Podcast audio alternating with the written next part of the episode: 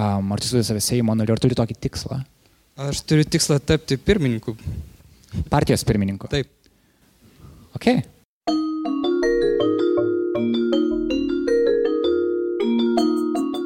Ačiū, kad įsijungėte Nailo podcastą. Jį kuria žurnalistų kolektyvas Nanuk. Šiandien girdėsite specialią diskusiją iš Europos jaunimo savaitės Vilniuje. Aš esu Karolis Višniauskas. Gero klausimo.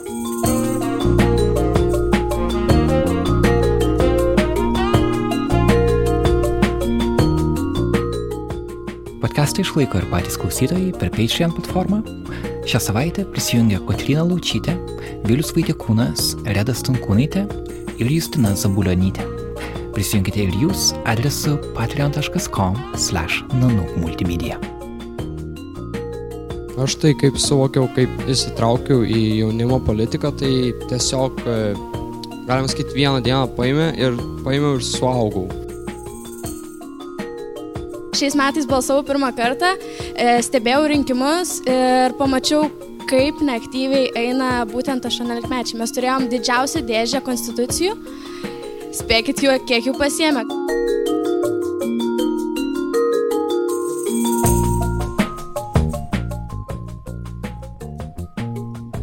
Balandžio viduryje turėjome unikalią galimybę susitikti su Lietuvos jaunimo organizacijų atstovais. Virš 50 žmonių susėdo į ratą, tiksliau kelis ratus, ir kalbėjosi apie tai, kas jiems rūpi. Tai buvo finalinė Europos jaunimo dienų diskusija. Organizatoriai pakvietė mus renginį moderuoti, įrašyti ir fotografuoti. Ir šiandien mes norime pasidalinti rezultatu. Na, jeigu mokytojas rodo, kad jis yra daug viršesnis už mane, aš bandysiu rodyti, kad taip nėra, kad mes lygus, jis dėsto man informaciją, aš jį tikrai gerbiu, bet jis neturi rodyti, kad jis turi daugiau galios už mane. Daugiausia kalbėjome apie situaciją mokyklose, bet jaunimo politika yra ne tik švietimas. Man buvo įdomu, kaip jauni žmonės pradeda užsimti aktyvizmu ir kur tai juos nuveda. Taip pat, kokie politikai juos įkvepia ir kodėl. Diskusijos dalyviai atvyko iš skirtingų Lietuvos miestų ir organizacijų. Paprašiau jų prisistatyti ir pasakyti, koks yra vienas dalykas, kurį jie norėtų keisti Lietuvoje. Pateikėme dalį atsakymų ir tada jau keliamės į diskusiją. Ją šiek tiek redagavome dėl trumpumo ir aiškumo. Tad likite kartu.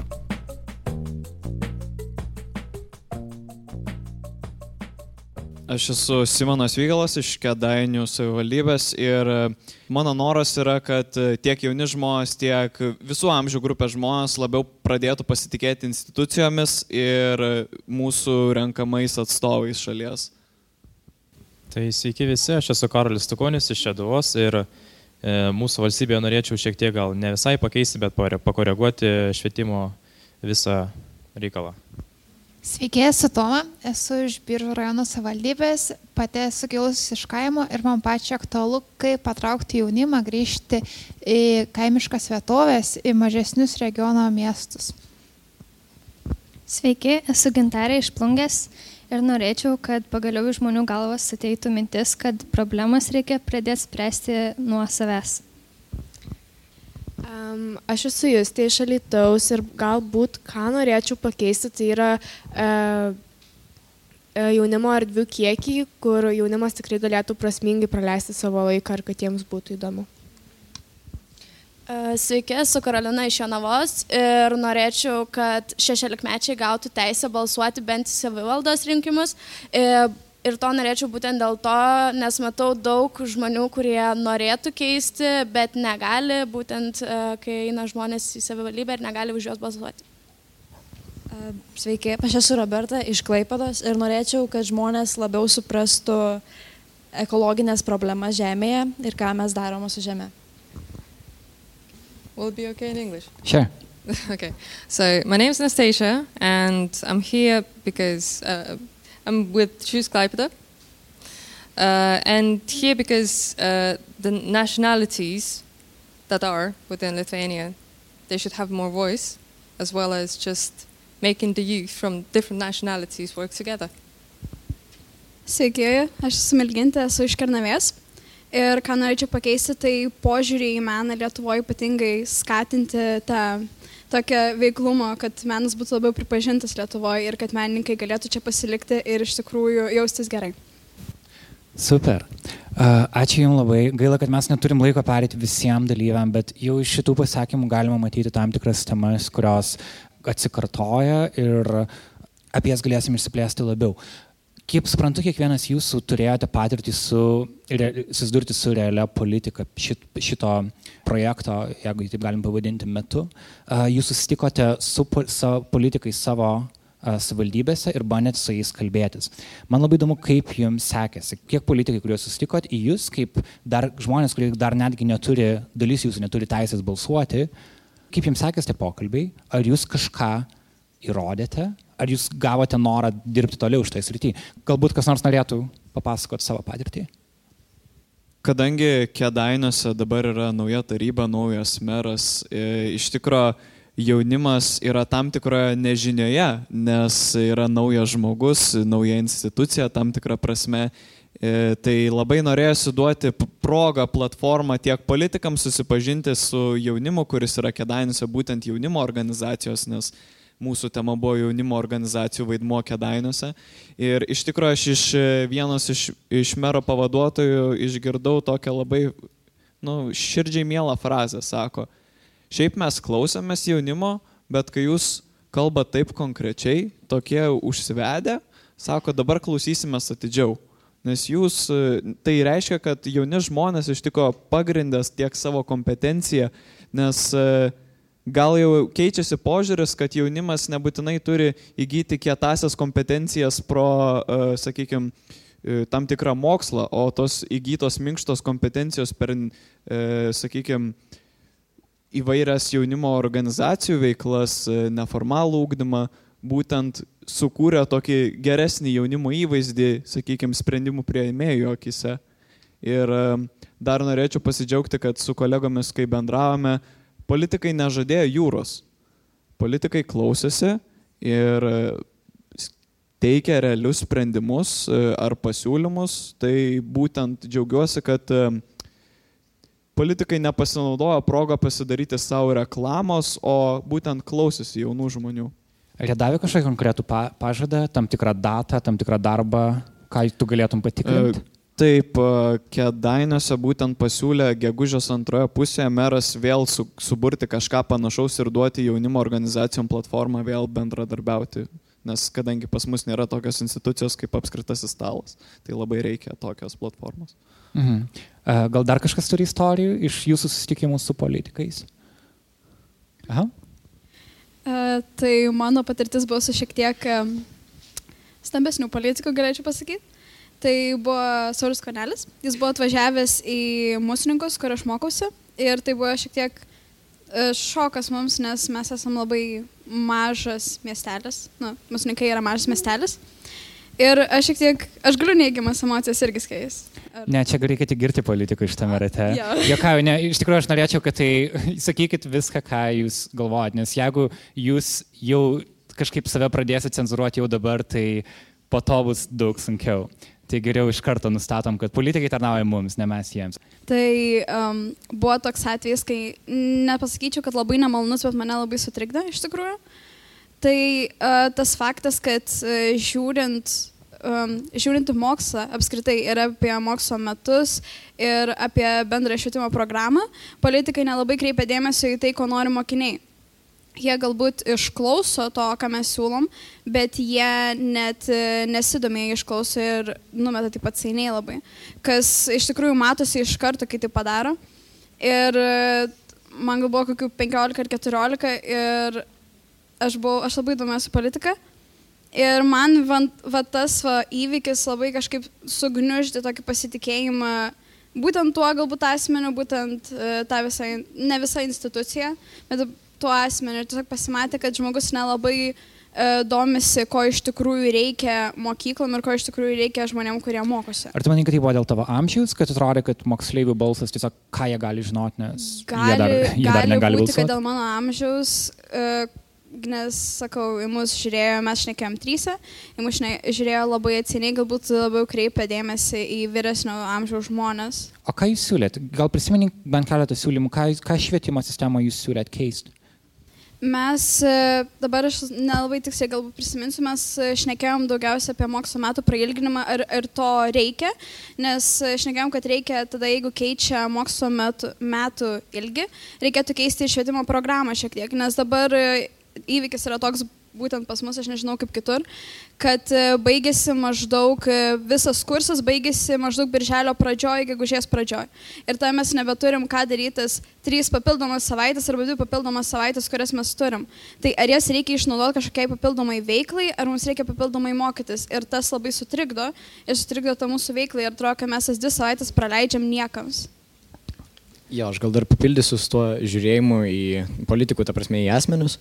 Tai ką mums priminė ir savivaldybei, kad, ta prasme, e, ateitis visokių projektų, pasiūlymų, atstovavimų tam tikrų grupių, kad ir mokinių ar kažkas mokyklos, vis dėlto priklauso, ta prasme, grupėm. Reikia kurti įvairias e, tarybas, reikia kurti įvairias grupelės ir kai jau yra grupės, tada yra žiūrima rimčiau, nes taip jau yra suformuojama ir nušlifuojama idėjos kažkokiuose, nežinau, apsitarimuose, posėdžiuose ir panašiai. Tai viena iš idėjų, ką mes išsikristalizavom per savo, tai yra, kad bendrų žmonių interesų, ta prasme, grupelės sukurtas ir taip galėtų jos praplėsti savo veiklą ir realizuoti vienodų interesų žmonių poreikius. Tad jeigu nori jauni žmonės savo balsą, kad jis būtų stipresnis, reikia vienytis į didesnę grupę negu, negu keli žmonės. Tik, tai, Manau, jo, nes tada iš karto atsiranda svoris žiūrint į tą subjektą, ta prasme, grupę. Ir tos idėjos tose grupėse vis tiek nusišlifuoja, yra randamas tinkamiausias sprendimas, ką pasiūlyti jau galutinį produktą valdžiai. Aha, dar istorijų? Aha, tada aš turiu klausimą, kiek iš jūsų planuojate patys galbūt įstoti į kažkurios partijos jaunųjų politikų grupę, ten, jaunųjų konservatorių, jaunųjų socialdemokratų, jaunųjų dar kažko.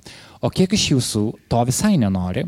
Nes jeigu stebi žmoni, žmon, jaun žmonės bendrai tokiu europiniu kontekstu, vis populiaresnė tampa vadinamoji grassroots aktyvizmo pusė, kada tu nenori eiti visą tą didžiulę partijos struktūrą, kada tu nori tiesiog burtis pagal idėją, kuri tau rūpi, galbūt tai bus klimato aktyvizmas, galbūt tai bus kažkoks kitas bendromeniškas dalykas ir tiesiog dirbti su tuo. Jūsų, koks jūsų mąstymas? Ar čia yra žmonių, kurie nori stoti politinę partiją, jaunimo politinę partiją? Taigi aš esu Dominikas, dar kartą pakartosiu, ir esu iš jaunųjų konservatorių lygos, priklausau jai jau pusantrų metų. Ir tikrai galiu pasakyti, kad tai nesusiję nu, vien tik su politika. Ką turiu menį? Uh, tai priklauso dar labai daug uh, jaunimo tarpe. uh, inicijuojam viską, kas padėtų jaunimo tarpe gyvenimui. O kaip tas vyksta? Kaip, kaip žmogus tampa jaunųjų konservatorių lygos nariu? Tu gauni kažkaip kvietimą, tu dalyvauji jaunimo politikoje anksčiau. Kaip šita karjera prasideda? Iš tikrųjų, tai labai daug kelių, kaip galima prikviesti jauną žmogų. Mano atveju vyko viskas per pilietiškumo mokyklą. Tai vyko renginys, vykstantis savivaldybėje. Ir tai vyksta maždaug, kai uh, yra iškeliamos į rajoną problemos, jas sprendžiamas ir taip toliau. Ma, aš gavau pakvietimą ten sudalyvauti, tada man patiko visas tas darbas uh, tos lygos jaunųjų konservatorių nuo tada aš e, ten ir atsiradau. Ir kaip tu įsivaizduoji savo politinę ateitį? Ar tu įsivaizduoji save konservatorių partijos nariu? Ar tu įsivaizduoji save Seimo nariu? Ar turi tokį tikslą? Aš turiu tikslą tapti pirmininku. Partijos pirmininku? Taip. Ok. Gerai. Kas dar nori? E, jo, kas, kas turi kitas panašias patirtis? Tai aš ne konservatorių lygoje, bet e, aš priklausau tris metus jau Lietuvos socialdemokratinio jaunimo sąjungai. Ir kodėl atėjau, tai net nežinau, kodėl atėjau, bet dabar suprantu, kad būtent ta organizacijos ideologija, kurioje eina ir, ir auga, e, yra man arčiausiai širdies. Taip pat šitoje organizacijai man išeina aukti labiausiai Ir šiuo metu gaunu tikrai labai daug galimybių pareikšti save. Aha, ir vėl tas pats klausimas, koks buvo ir prieš tai, tai yra kaip tu, kaip tu tampi jaunąją socialdemokratę? Ar tave kažkas pakviečia? Kaip vyksta tas, nežinau, verbavimas galbūt neteisingas žodis, bet kaip vyksta tas procesas? verbavimas nevyksta. Realiai tai buvo renginys. Prieš tai priklausiau kitai organizacijai ir iš jos, jos renginį buvo ir socialdemokratinis jaunimas. Tai taip ir atėjau ir užsilikau ir dar planuoju ir užsilikti, bet kol kas į partiją dar neketinu stoti. Bet e, jaunimo organizacija ir yra jaunimo organizacija. Ir realiai e, partija, e, per jaunimo organizaciją tu gali eiti į partiją, tačiau tu gali atsiskleisti nebūtinai toj partijoje ir jeigu tu esi Lietuvos socialdemokratinėme jaunime, liberaliame jaunime, tai nereiškia, kad tu pritari visai partijos veiklai. Tu tiesiog turi tokią ideologiją, kokia yra sukurta jaunimo. Tai jeigu tu esi jaunimo organizacijai, tai nereiškia, kad tu pritari viskam, viskam, kas yra partijoje. Ir, ir tai yra stereotipinis. Ir, ir tai nereiškia, kad Dominikas yra tavo priešas. Ne, Tai va tas priešinimas, tai gal ir ateina iš visuomenės ir tai labai yra keista, nes net nepasakyčiau, kad pykstasi tos jaunimo organizacijos, nėra to pykčio, mes tiesiog esam skirtingų kai kurių pažiūrų, bet nėra to tokio, tu čia toks ir toks. Nėra kaip partijose būna, kaip partijos net įsiskiria, ta pati partija įsiskiria, kaip pas mus atsitiko. Ar yra žmonių, kurie nenori stoti į jokios partijos jaunimo sąjungą? Ok, iš antro rato e, ten buvo ranka. Sveiki, aš Rusne esu ambasadorė ir dariau tą renginį.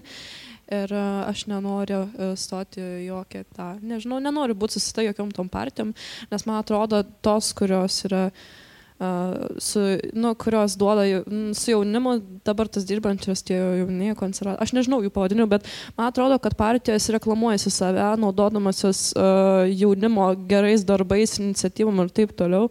Ir aš nenoriu kažkokiam politikui savo Uh, nežinau, darb, už savo darbą uh, pareklamuoti. Nu, man nepatinka tas. Uh, ir manau, būtent dėl to uh, aš nenoriu stoti jokią partiją. Aha, čia buvo dar viena ranka ir tada galėsim įdėti ten. Tai uh, aš niekada nebuvau jokioje demo, uh, demokratinėje, politinėje uh, partijoje ir tikrai neplanuoju, nes kaip ir prieš tai buvo Karolina minėjusi, kad jinai nebūtinai pritarė visoms idėjoms, bet jeigu tu nepritari nieks nežino, kam tu nepritari ir kam tu pritari. Ir jeigu tu jau esi kažkoje, kažkokioje organizacijoje, visos tos ideologinės idėjos eina šalia tavęs. Ir aš niekada nenoriu pasirinkti kažkokios šališkos pusės. Aš noriu pasirinkti tuos dalykus, kurie man yra priimtini ir iš vienos partijos, ir iš kitos, ar iš viso iš skirtingų dalykų. Norėčiau pabrėžti, kad tokio dalyko kaip partinė jaunimo organizacija negali egzistuoti. Tai yra iš viso tokio, tokio formato nėra. Yra jaunimo organizacija, kuri gali turėti tam tikrą ideologiją. Jokia jaunimo organizacija jokiai partijai nepriklauso. Ir e, čia yra būtent diskutuotina jaunimo politikoje tema, ar tokios organizacijos turėtų egzistuoti. Ar jaunimo organizacijos norėtų turėti glaudesnius ryšius e, su su, sakykime, ideologija, kurios atitinka būtent tą partiją. Ir būtent nenorėčiau susijęti ar JKL, ar LLJ, jaunųjų konservatorių lyga, Lietuvos liberalaus jaunimo ar socialdemokratų jaunimo būtent su partija ir nemanau, kad jie patys norėtų taip atvirai sakyti, kad taip mes turim bendrus ryšius su partija, tai norėčiau apie tai pabrėžti būtent. E, ir kitas dalykas, aš pats nepriklausau ideologiniai jokiai jaunimo organizacijai, būtent, sakykime, iš šitų vardintų, bet e, norėčiau matyti save politiko pozicijoje. Esu Toma, esu Lietuvos socialdemokratų darbo partijos narė ir šį pavasarį atkandau politikos duonos, eidama į Biržo rajono savivaldybės tarybos rinkimus. Visų pirma, labai nepatiko mūsų biržo krašto žmonių gana toks stagnacinis požiūris, kada sako, ką tas jaunimas padarys, ką jisai supras. Gerai, tada buvo iš tiesų labai didelė tokia kaip ir trauma iš vidaus ir kai atėjo rinkimų diena, kitą dieną net nežiūrėjau rezultatų, bet paskui, kai juos sužinojau, nustebau, nes prieš tai galvojau, kodėl man reikia tos politiko tikėtis. Taigi aš galiu veikti ir be juos ir tuo labiau ta tokia politinė visa, visas procesas mane taip sustabdė, nes prieš rinkimus aš buvau grįžus beveik du mėnesius, buvau namie ir susiplanavau, noriu tą, tą, tą veiks jaunimu. Ir sako, tu negali veikti, nes tai nerinkimus. Ir ta taip tave demotivuoja, nes tas politiko įvaizdis toksai tau duoda ribas, o tu esi jaunas, tu esi verslus ir atrodo, esi sustabdytas. Tai tave išrinkai savivaldybę dabar, ar ne? Ir tu... Aš dabar mandato kol kas neturiu, nes man yra leista pasibaigti studijas, bet rūdienį aš jį gaunu. Aha. Supratau. Čia kai šitame rate esu ir jaučiuosi kaip kažkokia visiškai kitoje realybėje, nes visa, ką, aš, ką mes girdim apie jaunus žmonės, Lietuva yra tai, kad jie nesidomi politiką, kad atrodo, kad jie apskritai yra pasyvūs ir uh, nori šiek kuo greičiau išvykti man įdomu, jeigu kažkas iš jūsų galėtų pasidalinti istoriją, kaip atsitiko tai, kad jūs matote save visuomenės aktyvizme, galbūt politinė partija, galbūt ne. Kaip tai atsitinka? Ar tai buvo jūsų tėvų įtaka, ar tai buvo kažkokiu mokytoju, ar tai buvo, nežinau, jūs pamatėte kažkokį kitą politiką ir nusprendėte, kad norite būti kaip jis, gal pamatėte kažkokį aktyvistą. Kaip atsitinka, kad jaunas žmogus irgi nori išjudinti reikalus? Iš tikrųjų buvo taip, kad atėjau mokinių savivaldą vien savo mokykloje ir viskas atsirado iki tos vietos, kada aš esu miesto mokinių taryboje. Bet jau praleidom pirmą žingsnį, ne? Tu atėjai mokinių savivaldą, tu turėjai turėti motivaciją tai padaryti. Aš mačiau iš mokinių savivaldą žmonės, kurie man atrodė kažkas wow, kažkas aukščiau ir jie kažką darė, jie buvo kažko verti, jie tik nesidėjo mokykloje, bet bent jau stengiasi padaryti geresnę. Ir nuo to viskas prasidėjo ir tu žiūri į žmonės, į vis kitus, kurie daro daugiau ir tu iš jų semiesi tos motivacijos. Aš manau, kad yra didelė draugų įtaka, nes mano atveju visi mano draugai buvo aktyvę, tai va stale, tai dar kažkur. Ir kai tu ten esi, liktai ir norisi, bet tuo pačiu buvo labai baisu, kad galbūt nepriims, galbūt kaip čia kiti pasižiūrės, bet kai įsitrauki, tai tai jau nebėra kelio atgal ir tiesiog tu vis norisi daugiau, daugiau veikti. Tai vien tik tai bar draugus. Mm, aš tai kaip suvokiau, kaip įsitraukiau į jaunimo politiką, tai tiesiog, e, galima sakyti, vieną dieną paėmė ir paėmiau ir suaugau. Galim sakyti, buvo pas mane toks vaikiškas mąstymas, tipo, ai, politika neįdomu, jauni, jauni žmonės e, tik pramagauja laisvalaikį, nieko nedaro.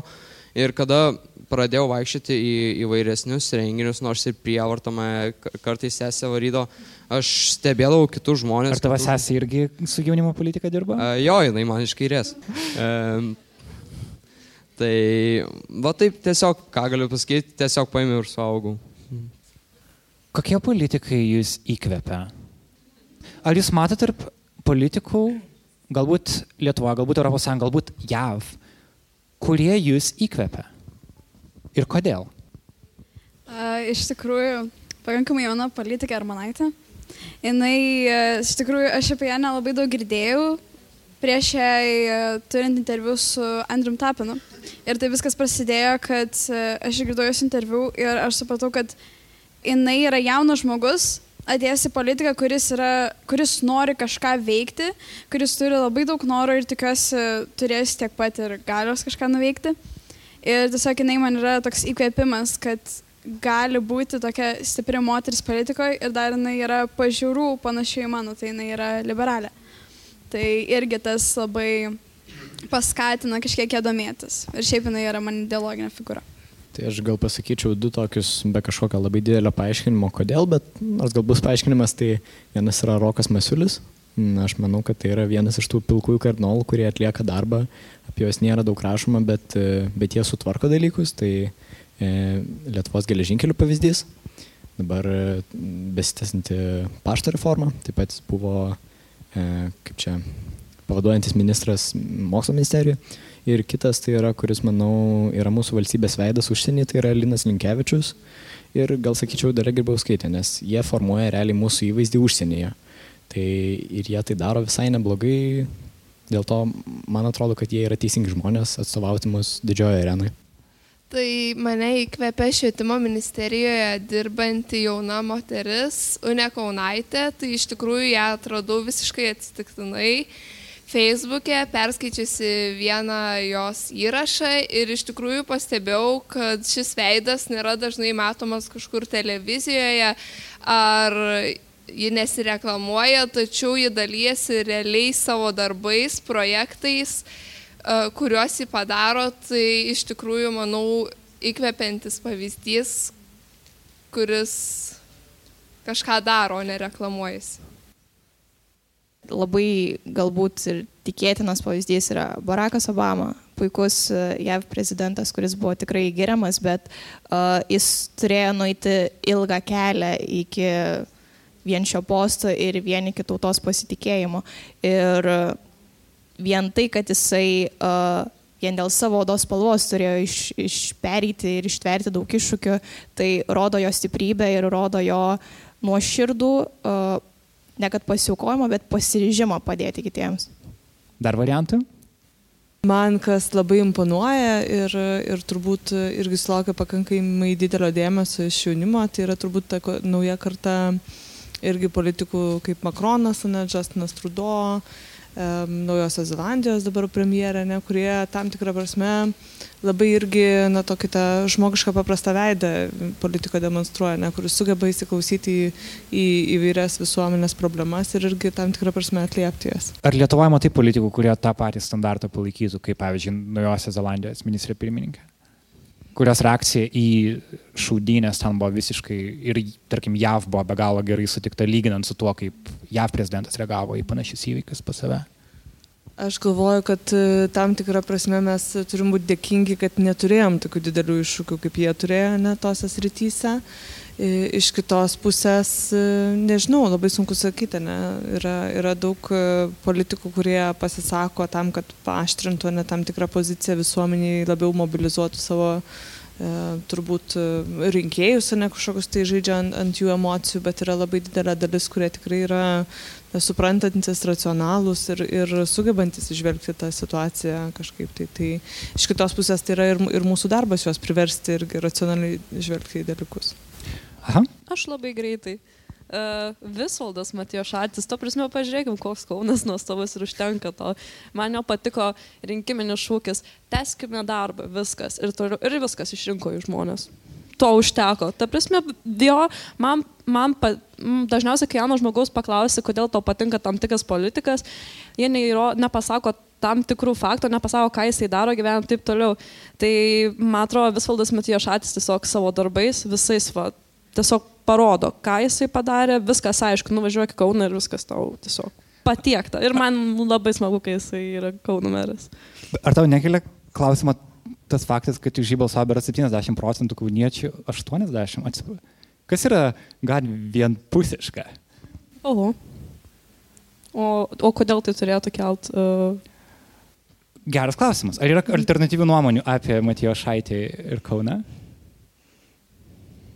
Ne? Mm. ok. Gerai. Ok, turim, turim politikų paletę ir ačiū už ją. Aš ir pagalvojau, kad, kad tai nebūtų tiesiog tik kalbėjimas vėlgi apie kitus žmonės. Man įdomu, ką, ką mes galim perduoti klausytojams, kas, kokias idėjas jūs apskritai siūlote Lietuvai, turbūt einant jau gilyn į specifines temas. Manau, kad švietimo tema yra ta, kuri tiesiog liečia jūs visus čia, nes jūs, įsivaizduoju, kad didesnė dalis jūsų vis dar eina į mokyklą. Ar galiu taip teikti, ar ne? Dalis turbūt yra universitetuose. Ir švietimas buvo paminėtas keletą kartų čia, kaip rate prisistatinėjom. Ką jūs norėtumėt keisti Lietuvos mokyklose, kad, pavyzdžiui, jūsų jaunesni sesės ir broliai turėtų geriau negu turėjot jūs? Tai norėčiau paprasto ganėtinai ir specifinio dalyko, tai ves daugiau diskusijos į mokyklą, nes kad tiesiog pamokos vyktų labiau diskusijų formą, nes kartais atrodo, kad žmogus ateina atsakinėti ir jis viską pasako iš vadovėlio arba paklaustas netikėto klausimo, jis nežino, kaip išsisukti ir atrodo, kad neturi savo minčių galvoje, tai tiesiog norėčiau, kad būtų labiau lavinamas tas kalbėjimas. Um, tai labai apie problemą, manau, yra mokytojai, nes didžioji dalis yra uh, jau ir kaip ir sovietinių laikų tai pasakius, uh, ir visi tai žinom ir niekas nenori dėl to keisti. Mokyti nenori mokyti, nes jiems yra sudaromas e, nepakankamos sąlygos ir mokiniai nėra tokie motivuoti, kada mokytojai patys mokykloje jau yra pasenę ir jiems jau yra kaip ir e, jau tiesiog nėra motivacijos mokyti ir jie nenori daugiau į kažką naujų inovacijų dėkti, nes jiems jau tiesiog neįdomu. Jie nori jau polsio, bet jie negali, nes mokytų nėra. Tai liečiant vėlgi politikos temą, tai turbūt labai būtų gerai, jeigu e, mokyklose būtų viena iš pamokų, tai politikos švietimas, galima taip, e, abejo. politologija. Mhm. Pilietiškumas yra, bet manau, kad tai turėtų būti šiek tiek sukonkretinta, galbūt labiau į tuos net rinkimus, balsavimą, nes žmogus sukanka 18 ir jis nežino, kaip pasirinkti, už ką balsuoti, kaip balsuoti. Aš, pavyzdžiui, neįsivaizduoju, ką man reikės daryti. Tavo bus pirmie rinkimai dabar. Ne, Ne, ok. tu dar turi laiko. dar turiu laiko, labai džiaugiuosi. Tai tikiuosi, kad iki man pradedant balsuoti mane apšvies. Tai, tai... Ok, yra ranka gale. Galim perduoti mikrofoną ten? Atleisk, kad turiu klausimą tai merginai, kur sakė, kad mokytojai yra seni. O tai ką pasiūlytum daryti su senais mokytojais? Iš, išmest? Iš tikrųjų, mes apie tai diskutavom net per mokymus antroji grupiai, kad e, yra tas dalykas, kad jie negali išeiti, jos prašo mokyklos, kad jie neišeitų, nes pas mane bent jau situacija buvo tokia, kad prašė mokytų neišeiti dėl to, kad jie negali rasti kitų. O primink, kur tu gyveni? Alituje. Alitoje, aha. Nes čia turbūt yra mokytojų ir dar uh, pensijinio amžiaus klausimas. Taip. Kad, pavyzdžiui, jeigu žiūrint plačiau, kokią nors, tarkim, Japonijoje mokytojai gali daug anksčiau išeiti į pensiją ir tiesiog pailsėti. Kaip, pavyzdžiui, Lietuvoje policininkai gali anksčiau išeiti į pensiją, bet mokytojai ne. Taip, tai manau, reikėtų keisti požiūrį į pačius mokytus ir juos labiau gerbti kaip profesiją, nes jie tikrai sunkiai mokinasi ir sunkiai dirba.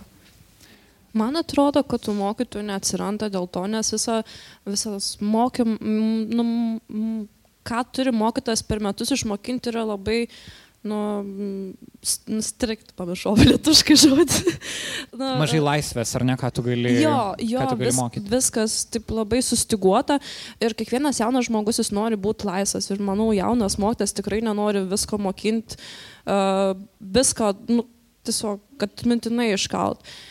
Ir uh, manau turėtų, kas patobulinta būtų, kad uh, būtų uh, laisvesnis tas mokymas, toksai gal iš viso aš norėčiau, kad nebūtų jokių egzaminų, vertinimų ir taip toliau. Nu, Suomijai žinau, kad nėra tokio dalyko ir, ir Suomijos yra vienas iš, viena iš pirmaujančių, uh, nu, nu, nežinau, tiesiog. Jo, idėja, kad tu tiesiog mokais Švietimo sistemoje. 12 metų ir tu Jo. renki savo balą visą tą laiką. Ir egzaminas yra kaip formalumas. Tik tai. Jo, ir uh, man atrodo, neturėtų būti ir egzaminuose taip uh, viskas uh, griežtai uh, vertinama, kaip nu, ten būna pas mokytų surašyta, kaip tiksliai turi būti atsakyta į tam tikrą klausimą ir tu negali niekaip kitaip iš... iš Iš, iš, iš, iš, nežinau, pagal savo parašyti savo nuomonės, bent jau ten kokiam, nežinau, pupė būna uh, lietuvių, kur dešimtokai uh, rašo teksto suvokimo užduotis ir turi uh, jaunas žmogus komentuoti tam tikrą tekstą, jis turėtų savo nuomonę tenais išreikštam klausimą, bet jam yra tiksliai parašyta,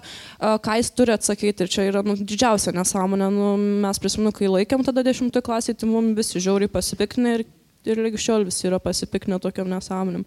Tai va, tai, Aha. Kažkam rezonuoja, kit, kitiem tai, ką, ką dabar girdėjom. Manau, pagrindinis dalykas, kurio jaunas žmogus turėtų išmokti mokykloje, tai ne kažką iškalti mintinai, o išmokti kritiškai mąstyti ir atsirinkti informaciją. Nes informacija sparčiai keičiasi ir baigęs mokyklą žmogus po kelių metų ta informacija vis kinta ir jis turėtų mokėti tiesiogiai atsirinkti, taikyti, bet nekalti mintinai. Čia mano gal tokia nuomonė, nežinau, gal nepatiks mokiniams, bet aš kiek stebiu savo pusrolius, seserį mažesnė, vaikai tampa labai žiaurus mokytojams ir dėl to mokytojai nebenori nei eiti dirbti, ypač jaunimas nenori tapti. Manau, visos technologijos ir tėvų mažas dėmesys skirimas vaikams labai tos e, skatina vaikus į- su- būti tokiais aštresniais ir problematiškesniais. Tai kalbant apie tai, kad mes tampam aštresni, tai labai priklauso nuo mokytojų pačių. Ta prasme, jeigu mokytojas rodo, kad jis yra daug viršesnis už mane, aš bandysiu įrodyti, kad taip nėra, kad mes lygus, jis dėsto man informaciją, aš jį tikrai gerbiu, bet jis neturi rodyti, kad jis turi daugiau galios už mane. Aha, ten galima persiųsti? Ok, sakyk. Okay. e, Aš trumpai e, esu dvyliktokė ir būtent rinksiuos kelią pedagogikos. Tai ir labai yra gaila tai, kad tikrai mažas procentas mokinių rinktųsi būtent šią kryptį. Ir statistiškai e, prieš keturis metus ėjo labai daug mokinių studentų studijuoti pedagogikos šia, e, šiais ar anais metais įstojo gal tik tai 800 ir tikrai pamažėjo mažiausiai 2000 ir labai gaila, kad e, mokytojai, kaip aš nusprendžiau eiti į pedagogiką, tai būtent paskatinimas iš mokytojos tokia gal kvailoka replika, bet ji mane užkabino ir supratau, kad būtent to ir norėčiau. Taip pat norėčiau pakeisti tikrai e, pilietiškumo pamokas. E, tas dalykas kaip Vaus 16, manau, labai gerai padėtų tai, e, nes nu, reikia šviesti, kaip reikia balsuoti, nes tau neteina niekas 18 metų, bum, tu taip turi balsuoti, niekas neapšviečia tavęs. E, šiais metais balsavau pirmą kartą, e, stebėjau rinkimus ir pamačiau, kaip neaktyviai eina būtent 18-mečiai. Mes turėjom didžiausią dėžę konstitucijų. Spėkit, jų, kiek jų pasiemė, gal 15 vien mano apygardai. Tai yra graudu, nes nu, tiesiog nėra nei paskatinama per pilietiškumo pamokas, nei ką. Pakelkite rankas, kas planuoja būti, kas norėtų būti mokytojai, studijuoti. Wow. Okay. Visai nieko. Gerai, tai greitai prasinti mikrofoną, pro, čia buvo keturios rankos viena prie kitos ir tada apie, apie darbą mokytojo norėsi paklausti daugiau. Aha. Tai aš labai norėčiau pakomentuoti uh, Tomą.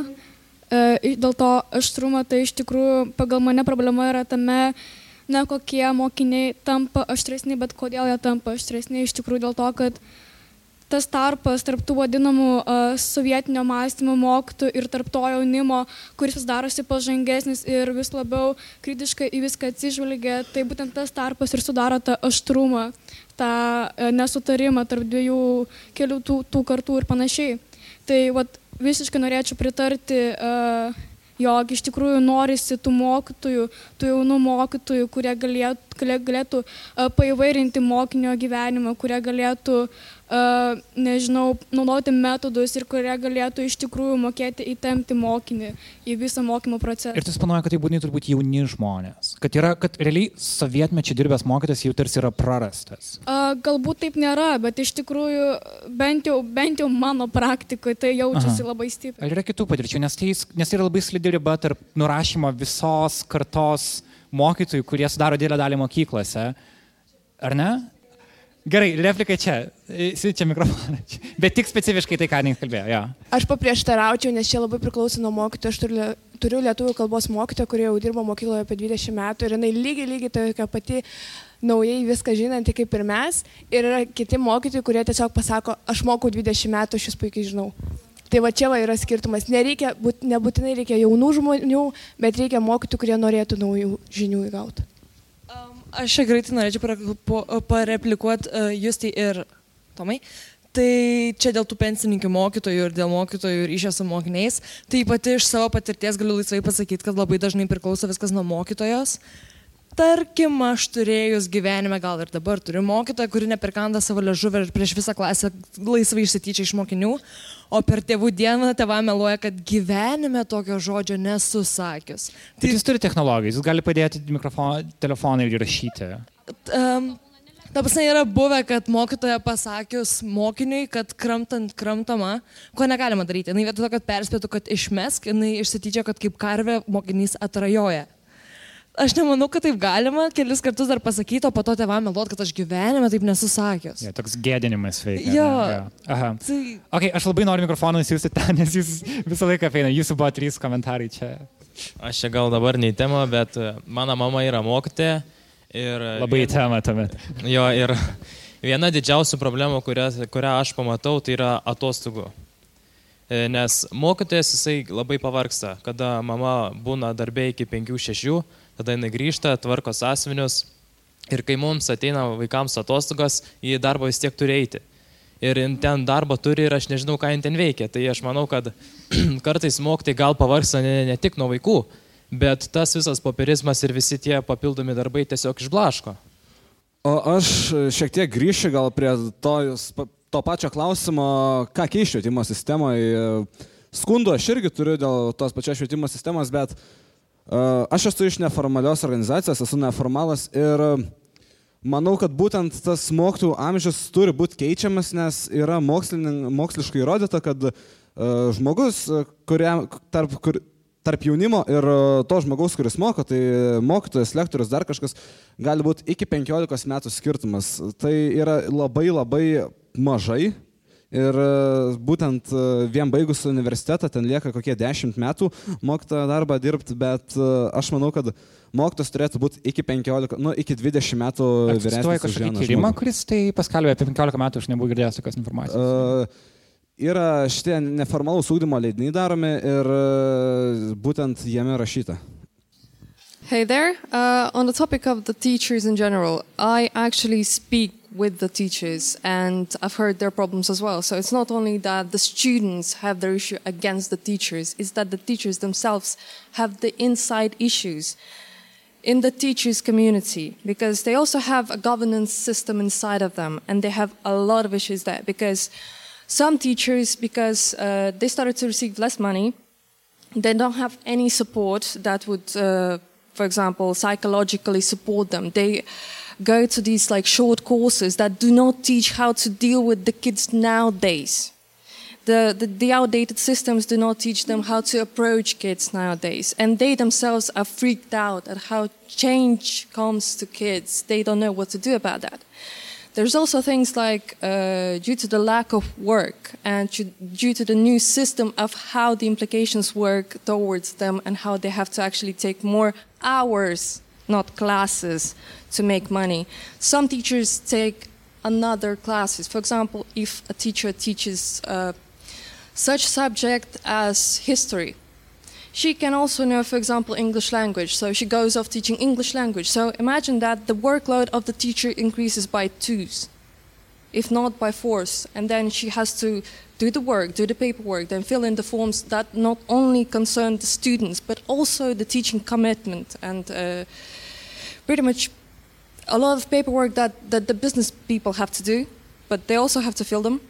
So there's like a lot of things involved. So it's, it's as much as the problem of the students as much as actually the teachers because the government system stopped supporting that. So the best way to support the students inside the system is start to provide the help and support to the teachers because Thank you. Yeah. Ir aš tikiuosi vertimo nereikia, nes pati idėja yra tokia, kad ir manau visiškai daugelis mūsų gali su to stapatinti, kad problema yra abipusė. Kitaip tariant, kad mokytojai nėra taip, kad jie tyčia norėtų kenkti, ar ne, bet jie irgi yra švietimo sistemos įkaitį tam tikrą prasme, kaip ir jūs visi čia sėdintys ir uh, mes baigę mokyklą kažkada, ar ne. Ir dabar klausimas, ką mes visi galim daryti, jeigu abi pusės Abi pusės iš esmės norėtų kažką keisti. Klausimas, ar yra kažkokie įrankiai tai daryti. Nes jūs esate tie žmonės, kurie nori kažką keisti ir jūs turite kažkokias organizacijas, jūs, jūs e, jau tą pirmą žingsnį esate žengę, bet ar jūs jaučiatės, kad, pavyzdžiui, mokykloje, toje vietoje, kur jūs praleidžiate daugumą savo laiko, kur jūs turite realią galę kažką keisti. Ir jeigu ne, tai galbūt čia yra vienas iš tų sričių, kur reikėtų pradėti kažką daryti. Um, kažkas gali gal to pasidalinti. Kaip jūs, ar jūs jaučiate, kad jūs turite galę mokykloje kažką, galbūt yra pavyzdžių, kaip jūs kažką keitėte ir jums pavyko? Tai esu gavę iš Jonavos ir yra problema tame, kad dauguma vaikų nori keisti mokytojus, nes jiems netinka mokymosi lygis, nes žino, kad mokytas yra per senas ir jie nesupranta jo. Tai buvo galimybė keisti, bet mes e, norėjom, mes surinkom pakankamai žmonių, bet auklėtojas sako, ne, tipo, jūs išėję pasigailėsit, nors tikrai žinom, kad to nebus ir vis tiek mums neleidžia. Nors visi vaikai norėjo to daryti. Bet tai buvo amžiaus klausimas, ar ir švietim, to mokytojo darbo amž... kokybės? Ir... Čia buvo ir amžiaus, ir tavo mokytojus. Tas pats tas palyginimas, kur pasakė apie atrajojimą. Jis tai padaro ir mes ten norėjom pakeisti ir mums niekas jis neleido, nes jis pasako, jūs per maži. Tai galima, galima taip sakyti, kad mes buvom per maži tai pakeisti. Kurioje klasėje jūs buvote? Pirmoji B. Supratau. Uh, okay, uh, dar supratau, kad tai yra pirma gimnazijos klasė. Ten gal yra dar nekalbėjusių žmonių. Tai toks pavyzdys labai gražus uh, Kedainėse apie tą jaunimo išgirdimą. Tai yra tokia, jeigu žinot, e, sveikatos litiškumo augdymo bei rengimo šeimai programa. Ji yra sukurta ir turėtų būti integruojama į visus mokomosius dalykus. Tačiau moksleiviai mūsų mieste ir apskritai Lietuvoje pastebėjo, kad ta programa yra neįgyvendinama Ir mes savo mieste labai sureagavom, nes atstovaujam visas mokyklas mūsų rajono ir moksleiviai pasakė, kad tokia problema yra. Ir ką mes darėm, tai sureagavom ir galvom, reikia kažką spręsti ir daryti. Tai mes tiesiog kreipėmės į visuomenės sveikatos biurą, į sveikatos specialistus, kurie dirba mokyklose ir prašėm jų pagalbos. Tai mes tiesiog pasakėm visiškai paprastai, be jokios statistikos, kad yra tokia problema ir specialistai sureagavo. Savaitės... Kokia problema? Kad yra lytiškumo yra, mokymo taip, programa, kurios niekas nedėsto mokykloje? Uh, kuri yra neintegruojama į mokomosius dalykus tinkamai. Aha. Nes ten reikia paliesti tiek sveiką mytybą, fizinį aktyvumą, lytinę brandą, draugystę, meilę, nu, įvairias įvairias temas.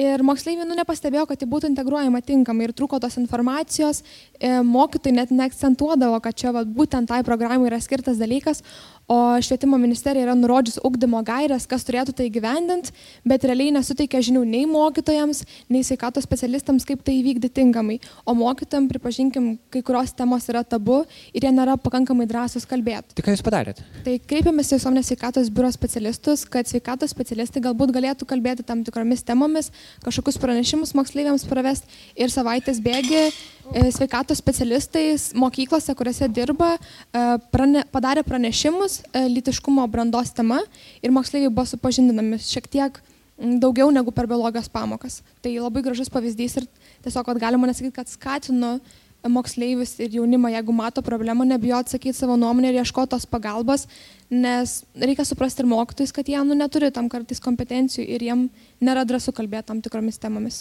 Super.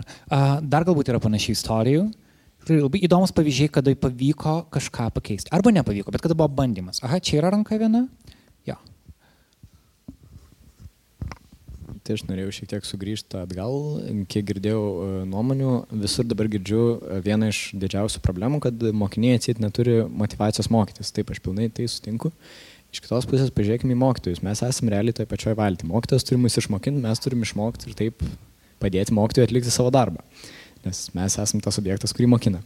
Tai aš manau, kad mokytojo darbas yra tikrai sunkus pakankamai psichologiškai, todėl kad yra susidurima su visokiausiam situacijom. Mokinys neišmoko, mokinys negali atlikti dėl to ir to kažkokie įstikinimai.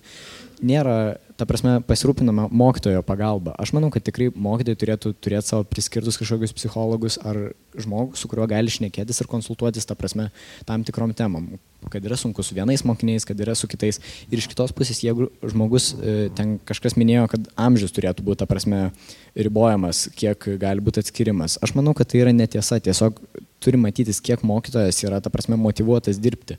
Nes aš turiu savo patirtie mokytojų, kurie yra tikrai garbaus amžiaus ir toliau tiesiog dega noru išbandyti naujoves, išbandyti kažką naujo su mokiniais, išdėstyti temą kaip įmanoma aiškiau. Ir aš turiu pavyzdžių, e, kur mokytojai yra tik išėję iš pedagoginio ir turi nulį motivacijos dirbti. Tai čia yra grinai visiškai tik žmogaus. O ta motivacija laikui bėgant, aš tikrai manau, per 10, 20, 30, 40 metų gali nukristi. Ir e, ją kartais reikia pakelti su specialistais, tai yra psichologai ir panašiai. Mm. Dėkui, buvo čia komentaras, ten ir, ir tenai. Aha. Tai aš noriu paminėti, kad pagrindinis dalykas, kodėl vyksta nesusikalbėjimas tarp mokinių ir mokytojų arba apskritai nesėkmingas mokymasis, tai yra žmonių samoningumo trūkumas.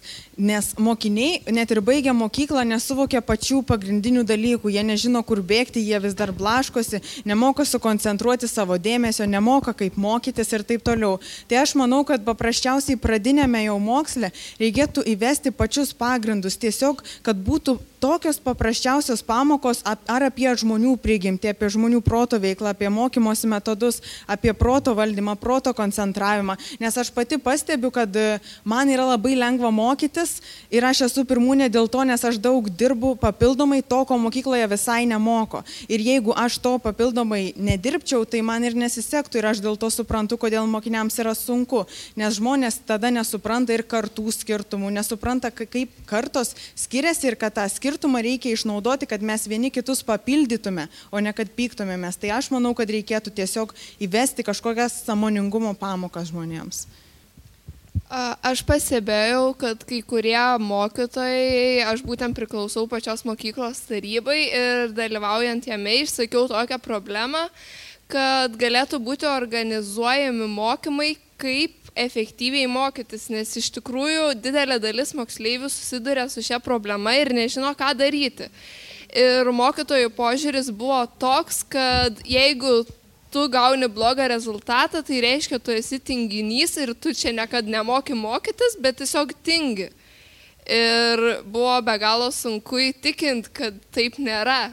O kokios tuomet priežastys yra, jeigu tu, kaip sakai, blogai mokaisi, tu turi menį kažkokias psichologinės problemas, galbūt darbo organizavimo nemokėjimo problemas, tokius klausimus. Ir psichologinės problemas, ir taip pat mokymosi procesą, kaip organizuoti, kaip viską mokytis.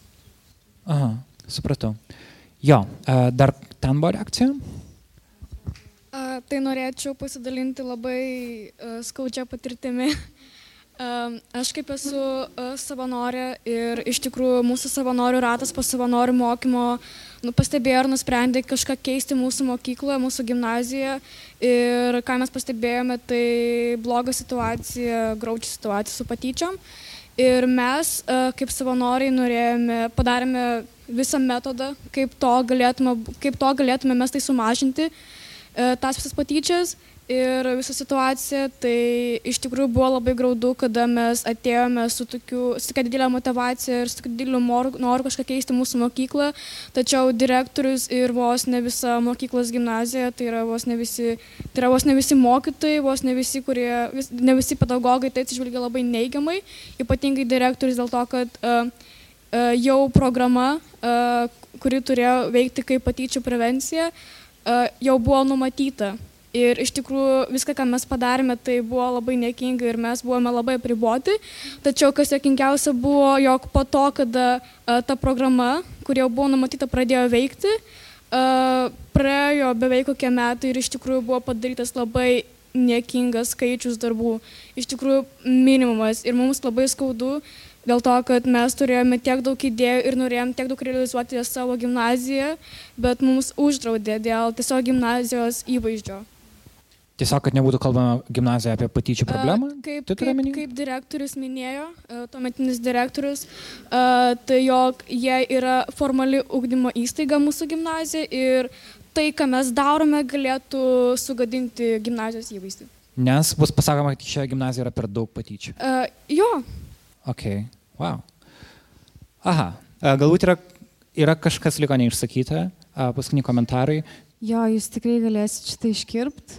Man galbūt labiausiai skaudu, nu skaudu ne tas žodis, man šiaip normaliai viskas, um, kad mes labai suskirstėm jauną žmogų, kuris realiai yra nuo 14 iki 29 Ir man yra 22 ir aš nesuprantu, ką aš čia veikiu.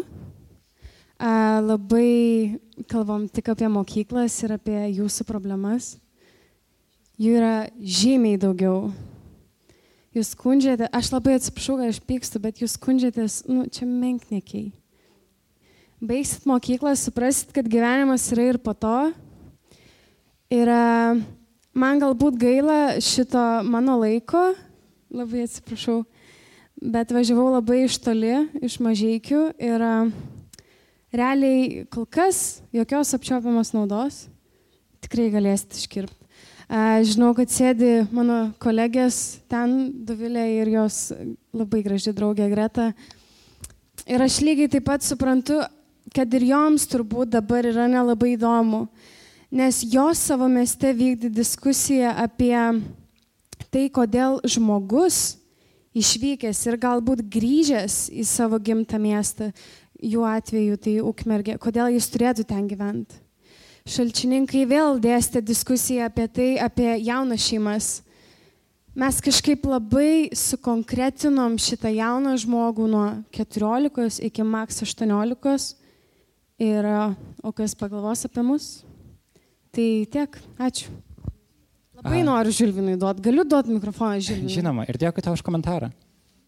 Žilvinas Mažieikis yra vienas iš Europos jaunimo dienų finalinio renginio organizatorių.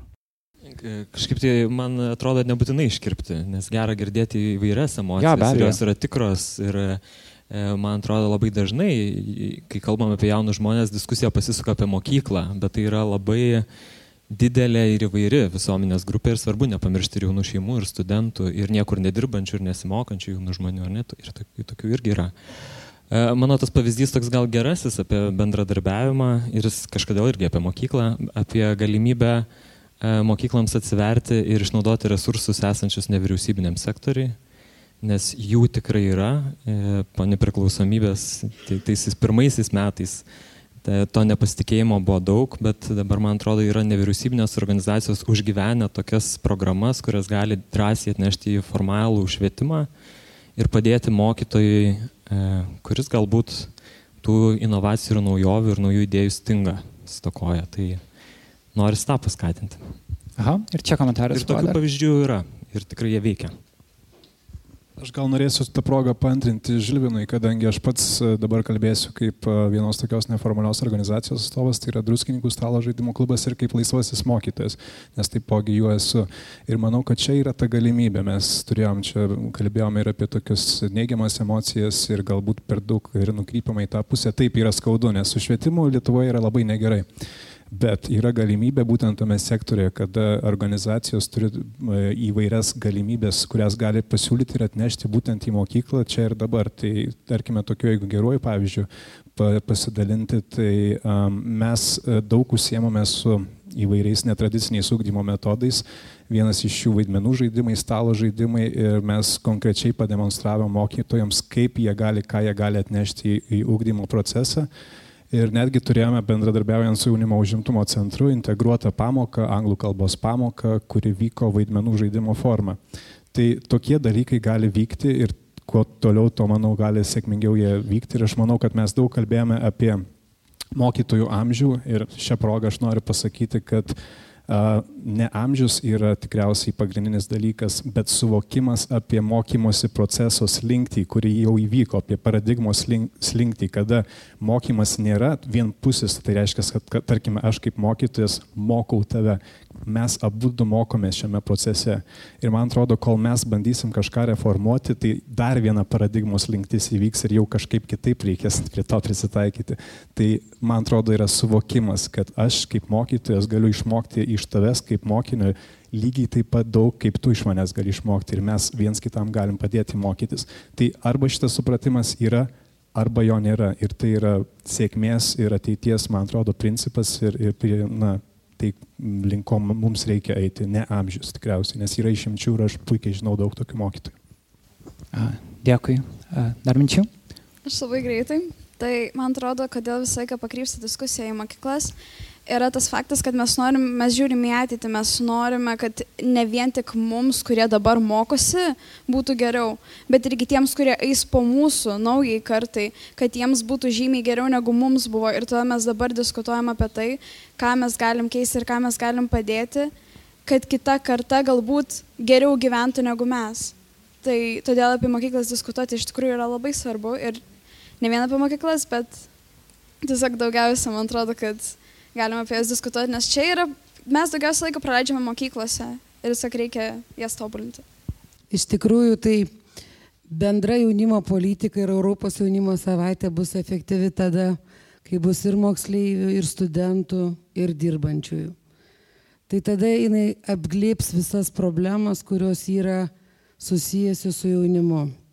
Ir kitą kartą, aišku, kaip pasakyti, jaunas žmogus su daugiau pasienęs negu vyresnio amžiaus bet veikiantis jaunatviškai ir novatoriškai, energingas, o mokymas ne tik mokykloje yra. Būdami jūs jaunimo organizacijose, politikoje, visuomeniniai veikloj, jūs taip pat ugdotės neformaliai, šviečiatės, e, dalyvaujate vat, diskusijose, mokymuose ir konsultacijose. Tad būkite smalsus, siekite įvairių žinių ir galvokite apie visus. Dėkui. Tai ačiū Jums labai už tai, kad šitas pokalbis įvyko ir kad mes atradom kažkokių bendrų taškų ir pajutėm, kuo ta jaunimo dalis Lietuvoje, kurie jau išengė tą pirmą žingsnį užsimti aktyvizmu, kad ir koks jis bebūtų, kaip jūs jaučiatės ir ko, kokios jūs nuotakos, kiek jūs jaučiate, kad turit galios, ką jūs kuriate. Tai ačiū labai, kad to pasidalinot ne tik čia, bet ir su Nanuk podcast'o klausytojais. Um, aš tikiu, kad Žilvinas turi jūsų kažkokius kontaktus, mes kaip paskelbėsim įrašą kartu su fotografijom. Um, pasidalinsim su jumis ir laisvai keliauja tolyn tiem žmonėm, kurie domisi. Ačiū Jums labai visiems.